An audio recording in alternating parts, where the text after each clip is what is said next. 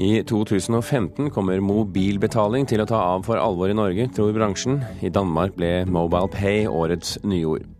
Svake tall for amerikanske filmer har ført til nedgang i kinobesøket i Norge, men i år kan Hollywood slå tilbake. Og snart blir det flest avislesere på mobil. Det er en av spådommene om medieåret 2015, når vi titter inn i glasskulen om litt. Du hører på Kulturnytt med Birger Kolsrud Aasund i studio. Betaling med mobiltelefon kommer til å sette preg på det nye året, tror bransjen. Mobilbetaling i butikk og mellom privatpersoner har liten utbredelse i Norge, men i Sverige og Danmark gjør flere millioner brukere butikkjøp med mobilen. I Danmark ble sågar mobilbetaling årets nyord. Årets ord 2014 er mo Mobile Pay.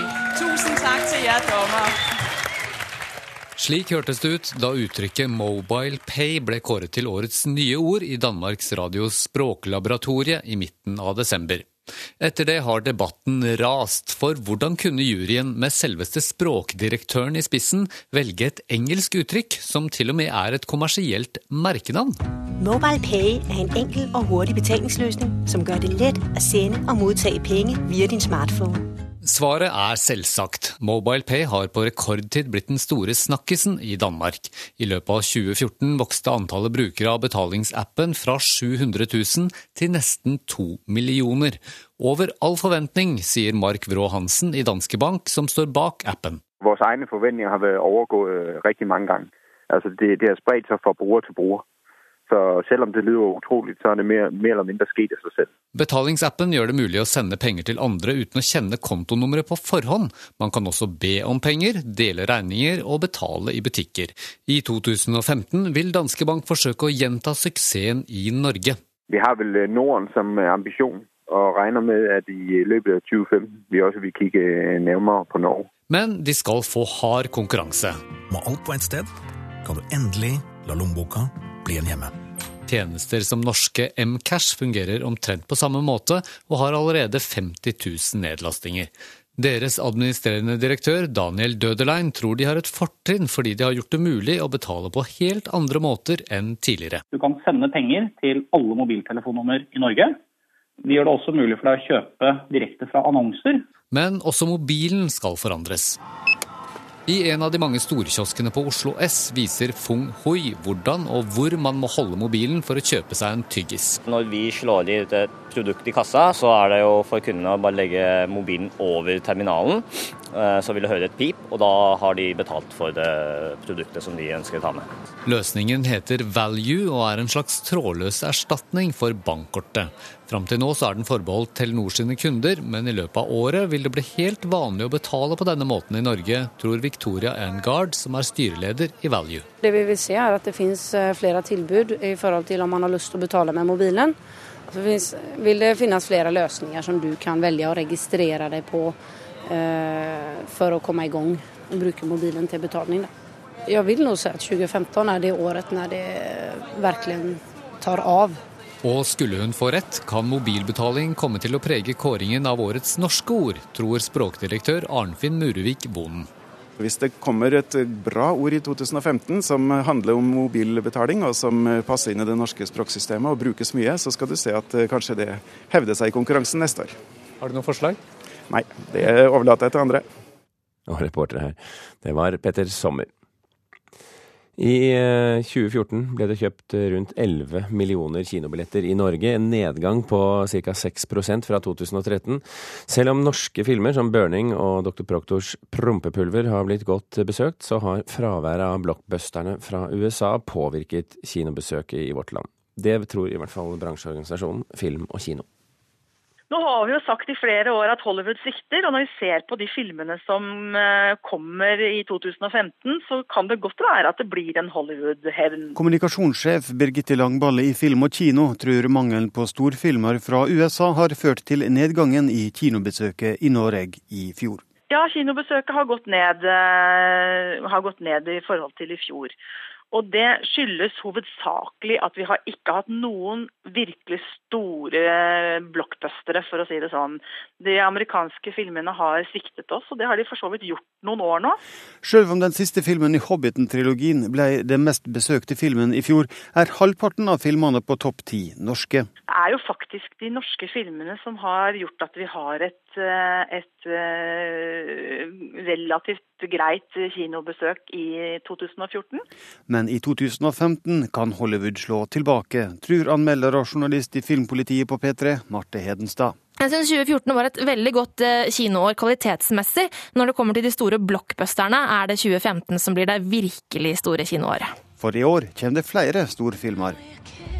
I don't do romance. My tastes are very singular. You wouldn't understand. Fifty Shades of Grey, en ny Bond-film, og den siste filmen i Hunger Games-serien er filmer mange tror vil få gode besøk. Men for Hedenstad er det tre storfilmer som peker seg ut. The Avengers Age of Ultron, som er den andre Avengers-filmen, som også er en kjempestor blockbuster. Og vi får ikke glemme Jurassic World, som kommer i juni, eh, som jeg også har trua på kommer til å bli en eh, vanvittig stor kinosuksess. Men filmen hun tror vil tjene aller mest, er den nye Star Wars-filmen. The dark side.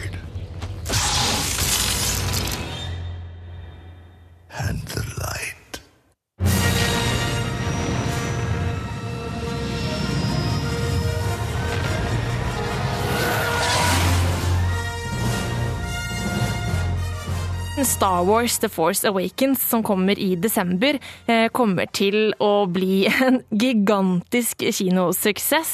Jo, altså, når Star Wars nå igjen skal få en ny trilogi, så er det jo ingen tvil om at den kommer til å, å tjene de store gryna, for å si det sånn.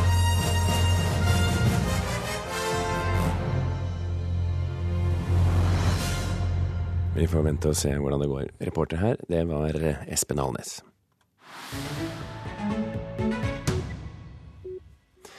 Vi har tippet over i 2015 og kan se tilbake på 2014 med ubesudlet blikk. Og i dag skal vi ta for oss medieåret 2014. Og til å hjelpe oss med det har vi fått avtroppende mediekommentator i Dagbladet, Andreas Wiese, og redaktør i nettstedet Kampanje, Knut Kristian Hauger. Velkommen. Takk. Hva vil du si kjennetegner medieåret 2014?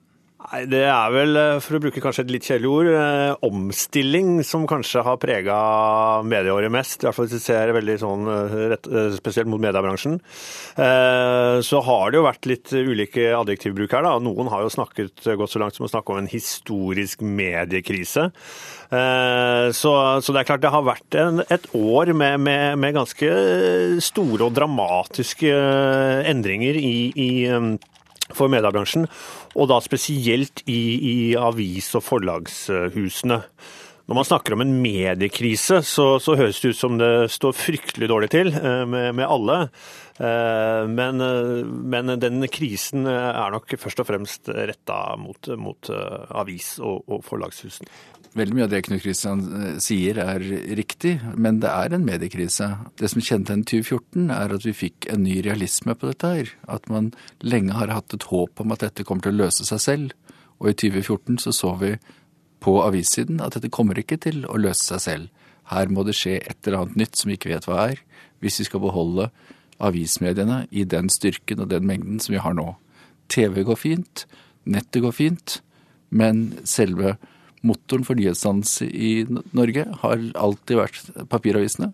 Og de mister forretningsmodellen sin måned for måned gjennom hele året. Men betyr det også at det står dårlig til i, i større og økende grad dårlig til med, med, journalistikken i Norge? Det er klart at hvis du har mindre penger til å lage journalistikk, så blir det enten mindre journalistikk som er like bra, eller like mye journalistikk som er dårligere. Det er grunnen til de to valgene man har. Mediepolitikk har selvfølgelig vært en viktig del. Vi har fått en ny regjering som har sagt at de skal være handlingskraftige. Det har vært foreslått kutt i støtteordningen til, til avisene. Det har også vært forslag om å kutte lisensen til NRK. Ingenting av det ble noe av, men likevel, hva, hva forteller det deg? Nei, Det forteller jo at eh, det er eh, Vi har fått en regjering som ønsker å, å gjøre noen endringer i, i mediepolitikken og, og, gå gjennom de mediepolitiske verktøyene de har i, i, i, verktøykassa. Og Der vi har fått de største debattene, har jo vært knytta til NRK. Eh, hva skal være NRKs oppgave fremover? Hva skal være deres rolle? Og, og i kjølvannet av det har vi også, også fått en en ganske frisk diskusjon mellom de, de private mediehusene og, og, ikke minst NRK selv. Hva tenker du, Vise? Ja, det sies jo at når krybben er tom, så bites hestene. Og hvis du ber konkurrenter om å vurdere hva NRK bør gjøre, så er det vel ikke så veldig overraskende at de gjerne vil at NRK skal gjøre mindre enn de gjør. Men hvis situasjonen er at du får mindre nyheter fra de tradisjonelle mediene, og mindre nyheter fra NRK, så er ikke den norske befolkning tjent med det. Så man er nødt til å finne en løsning hvor man fortsetter å få mest mulig for lisenskronene, for å si det veldig enkelt. Hvilken uh, forventning har du til uh, mediemeldingen som, uh, som kulturministeren har bestilt? Jeg vet ikke, fordi du kan si det sånn at kulturpolitikken har lenge vist seg å være veldig immun mot mediemeldinger. Det kommer meldinger av mediene, med forslag, og så gjøres det ikke så mye. Fordi alle forslagene har uheldige konsekvenser, og så venter man litt til. Og vi kan få den situasjonen en gang til her. Også fordi kulturministeren og regjeringen kanskje er mer opptatt av å forandre NRK enn et flertall i Stortinget kanskje er. Nei, Det er jo klart, eh, som vi snakket om, eh, det er eh, krevende tider for, for en del avis- og, og forlagshus. Reklamemarkedene er ikke helt som de en gang var. Og, og da, når man da får en invitasjon til å være med i en sånn debatt fra, fra regjeringen og kulturministeren, som da ønsker å, å sette eh, fokus på, på NRK, så, så, så, kaster man seg jo selvfølgelig litt på. Eh, men så er det jo en, en legitim debatt å diskutere NRKs rolle. I, I, morgen, så, ikke i morgen, men på mandag, så skal vi her eh, snakke om den teknologiske utviklingen av mediebiten. Har det skjedd noe der som du eh, har plukket opp og syns er interessant? Altså, Det store skiftet kom vel her for noen år siden, da, da, da internett på mange måter eh, ble, ble brukt mer enn en TV. Altså, altså man, det er flere som, som, er innom internett enn det er TV i løpet av en dag. Eh, nå skjedde vel kanskje den endringen i 2012, men, men det er klart det, det, sier jo litt om et sånt trendskifte. Eh, og så er det jo det faktum da, at det, det, i dag er flere vel som leser nettaviser enn det er totalt sett eh, folk som leser papiraviser. Så får vi jo se om um, hvordan dette blir med denne nye kanalen som alle snakker om, mobilen. Altså, den er jo blitt viktigere og viktigere for folk. Og hvis du er på trikken på vei til jobb, så er det jo knapt noen som leser papiravis lenger. Uh, og man tror jo nå at det er et skifte da, med at det er enda flere, at det mellom mobil og internett da, nå kommer til å gå enda fortere enn det det gjorde mellom internett og avis. Så, så snart blir det vel flest lesere på mobil. Jeg syns Knut Kristian Hauge er inne på noe veldig viktig når han sier at vi er på vei mot mindre og mindre skjermer. Det, problemet med det er at den er en veldig liten skjerm. Den har dårlige forutsetninger for å levere reklame, for å se på inntektssiden, og den er begrenset hvor mye den klarer å gi. Det blir korte greier. slik at de utfordringene der, hva som kommer til å bli mulig å få på den måten der, og hva vi må få på andre måter, blir veldig spennende. Vi, vi, får se hvordan det blir. 2015 eh, eh, rent mediemessig kanskje spennende. Tusen hjertelig takk uansett, eh, Andreas Wiese og Knut Christian Hauge, for at dere kunne være med og oppsummere medieåret 2014. Vi skal ha et lite sceneskifte her i Kulturnytt. Fredagspanelet skal inn. I mellomtiden skal du få en siste oppdatering på nyheter. Klokken er eh, snart 17 minutter over åtte. Du hører på Kulturnytt, og dette er toppsakene i Dagsnytt nå. Inkassobyråene har stor pågang fra folk som vil rydde opp i økonomien sin. Den italienske kystvakten har nå kommet frem til skipet som driver mot Italia, med flere hundre flyktninger om bord. Og over 200 000 nordmenn leser stillingsannonser når de kommer på jobb etter nyttår, men det er eh, færre jobber å søke på i år. Og da har vi fylt opp eh, studio eh, delvis her i Oslo og delvis i Bergen med dagens fredagspanel. I Bergen Hilde Sandvik, eh, kulturdebattredaktør i Bergenstidene, Velkommen. God morgen. Og her i studio hos meg, Hege Duckert, kulturredaktør i NRK.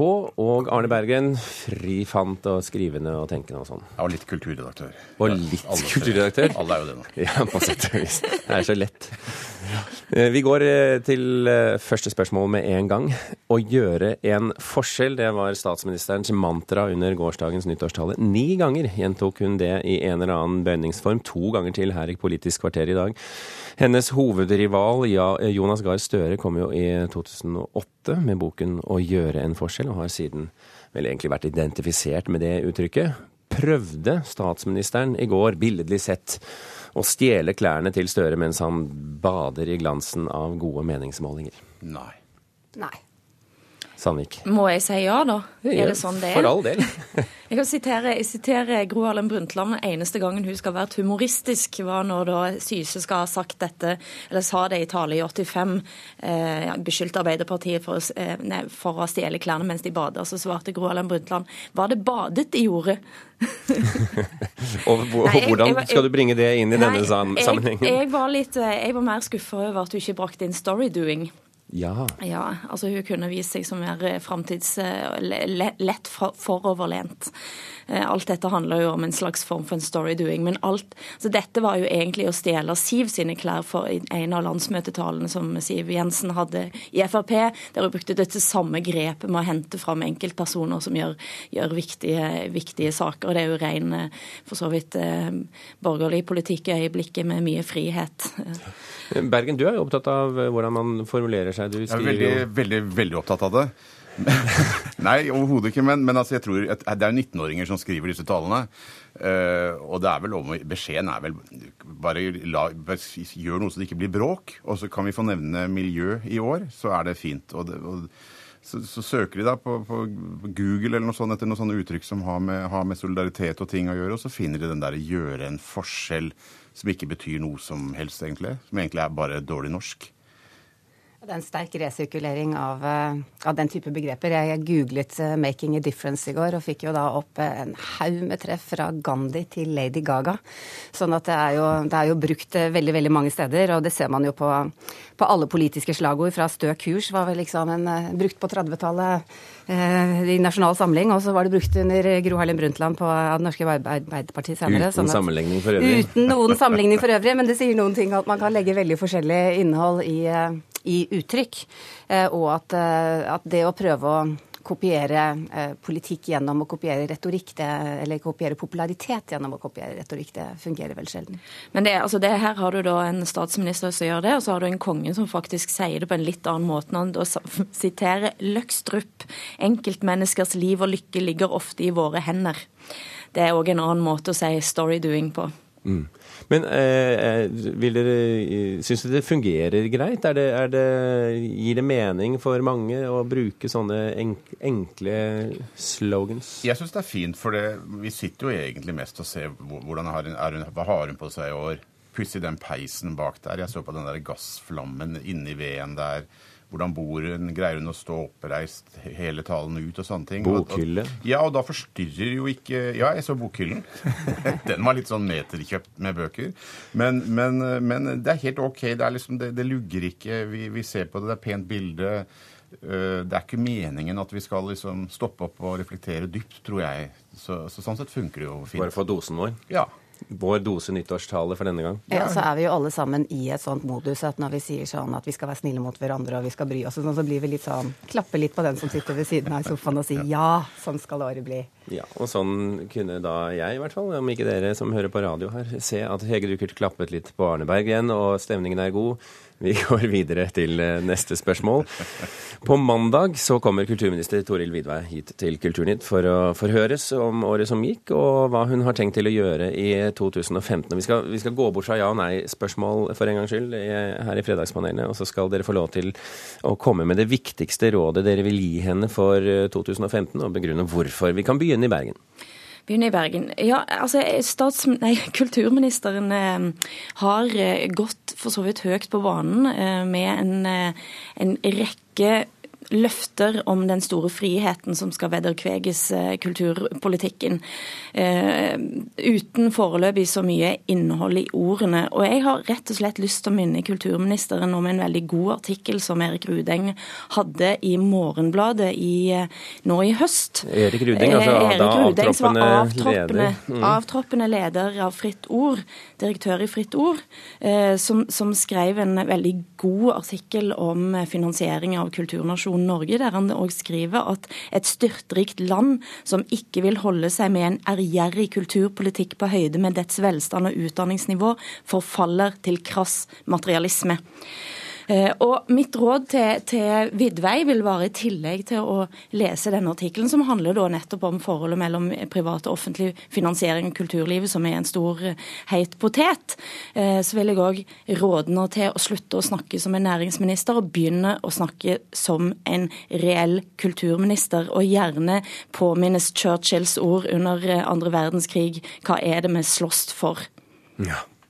Arne Bergen, nå så du nesten litt andektig ut her i studio når Hilde jeg- Sandvik snakket. Så jeg syns alltid det er gøy å høre, høre henne snakke, og det, det var flott. Men jeg tror jeg ville gjort det litt enklere for kulturministeren. Jeg ville bare altså begynne med å lese en bok, kanskje. Gå litt i teater. Se Er du film. litt arrogant nå, Arne Bergen? Ja, litt kanskje. Men, men, men, men, men det, er vel, det er vel litt der skoen trykker, for å da snakke som en representant fra kulturlivet. Vi hører på dette stadig vekk og har vel ikke kanskje helt følelse av at hun vet helt hva hun snakker om. Det er vel den, det ubehaget der som har eh, spredt seg litt i året som gikk. Er du godt vant med kulturministre som vet hva de snakker om, synes du? Ja, det har ikke vært så veldig verst de siste, siste årene, syns jeg. Mm. Hege Duckert? Jeg bare tenker ut fra det Arne Bergen sier her, at det er, eh, man ser jo det at det er en veldig sterk forventning til kulturministre at de skal være kulturfolk. At de ikke bare skal være politikere. Og det så vi jo så veldig godt i den skandalen som var i Frankrike i høst, med den nye kulturministeren der som heter Fleur Pellerin, som ikke kunne nevne en eh, tittel på eh, nobelprisvinneren Modianos bøker, og som ble da et Pellerin-gate. Og en voldsom sånn kan vi ha en kulturminister som ikke leser bøker? Og hun sa det som sikkert alle politikere mener, at du har så mye å gjøre og så mye møtepapirer å lese at hun ikke hadde lest en bok på to år. Men det er et signal til et kulturliv som er veldig kraftig. Eh, Og det er vel noe i der, i der, eh, i der det ligger. Og jeg tror i hvert fall at i forhold til, hvis man skal gi et råd til vår kulturminister, eh, så er det kanskje å høre litt på sjefen sin og prøve altså Hvis hun vil gjøre en forskjell, som vi nå har lært at det heter, så har hun en opinionsutfordring. Altså hun må være tydelig på hva hun vil, og hva hun ønsker. fordi at noe, mye av denne kulturpolitikken som føres, oppfattes jo sterkt i kulturlivet som et eh, stort spareprosjekt. Og, og hvis hun vil gjøre en forskjell, hvis hun vil noen ting, så tror jeg det er eh, det beste rådet er å tydeliggjøre det. Og for ikke å forfalle til krass materialisme. Nemlig. Eh, Vi, vi rekker et spørsmål til, faktisk, eh, og vi forlater politikken litt for eh, denne gang. Vi går til antikvariatene. Som vi kunne høre nå i romjulen, så sliter de med lønnsomheten over hele Europa. Ikke bare flommer markedet over av brukte bøker, men den nye generasjonen bokkjøpere, hvis i det hele tatt vi kan kalle dem bokkjøpere, de vet jo knapt hva et antikvariat er. Men er det strengt tatt et dårlig tegn at antikvariatene forsvinner, Sandvik? Eh, nei. Dukkert. Eh, ja. eh, ja. Hvorfor sier du nei, Sandvik? Nei, altså Jeg, jeg syns jo det er trist at antikvariatene forsvinner. og så Samtidig så vet jeg òg at eh, å gå innom et antikvariat er noe som gjør sjeldnere og sjeldnere. I utgangspunktet elsker jeg antikvariater, og nettopp den følelsen at du kan gå inn og finne en skatt. Og bruke denne eh, serendipity eh, langt ut. Men er det, er det, er det prinsippantikvariat du elsker? Ja, det er det jeg lurer på om en faktisk gjør. Og så tror jeg at de beste vil overleve, og så har du byer som Tvedestrand og Fjærland, sant, som har eh, der, der, der, der er, det er liv laga på sommeren gjennom å, å på en måte merkevare prøve seg på antikvariatene. Men jeg tror Nei, vi kjøper det ikke. Nei, unnskyld Sandvike, vi må videre til Mm. Dukkert her før vi runder av. Ja, jeg syns jo det er synd at boken som eh, verdiobjekt forsvinner. Altså at det å samle på bøker, f.eks. Jeg tilhører jo de fossilene sånn sett som liksom samler på enkelte forfattere, samler på enkelte bøker, og, og liker det veldig godt. Og så er det sørgelig, syns jeg, at, eh, at, vi, at, det ikke ligger noen verdi i selve boken mer. At bare det å prøve å få du, I dag får du jo ikke gitt bort bøker engang til antikvariatet, fordi at eh, som, som Sandvik var inne på her, så, så, kjøpes det lite. Sånn at særlig det der å kunne gå inn et sted og finne noe du ikke leter etter, og, og, og, oppdage oppdage at det er litteratur som, eh, som, ikke bare er eh, de siste bestselgerne som er i bokhandelen. Det er en utrolig skatt. Sånn at jeg, jeg kjenner at jeg har mye nostalgi for det, selv om jeg jo selvfølgelig mener at det viktigste er at folk leser. Ja, nei, er, Jeg er nostalgisk, jeg også. Jeg har satset alt jeg på at bøker skulle være min kulturelle kapital. Jeg har kjøpt masse opp gjennom og arvet, og mine barn ser på det og skjønner ikke hva det er for noe hva de skal gjøre med det. Men jeg tror, jeg, jeg, jeg tror, at boka overlever som papirobjekt. Jeg tror at det er noe med å bla i ting og bruke fingeren. Det er noe som man ikke får på disse fordømte Kindlene, som jeg også bruker en del av. Men mm. boka dør aldri. ikke i stua til eh, Arne Bergen i hvert fall, og heller kanskje ikke hos Eget Dukkert og Hilde Sandvik. Uansett, tusen hjertelig takk for at dere var fredagspanelet vårt eh, i dag. Denne første sendingen vi hadde i 2015. Eh, Dagens mannskap her i Kulturnytt det var Hilde Tosterud, Espen Alnes og Birger Kolsrud Aasund. Ha en fin dag.